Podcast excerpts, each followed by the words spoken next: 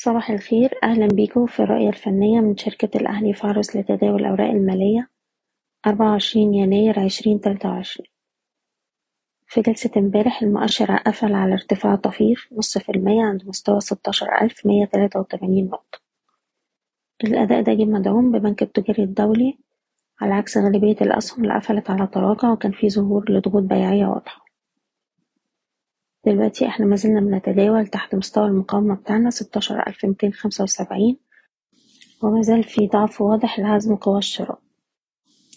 بالتالي مهم جدا إن إحنا نتبع استراتيجية أكثر تحفظا في الوقت الحالي ونخفض المراكز خاصة مراكز الشراء بالهامش.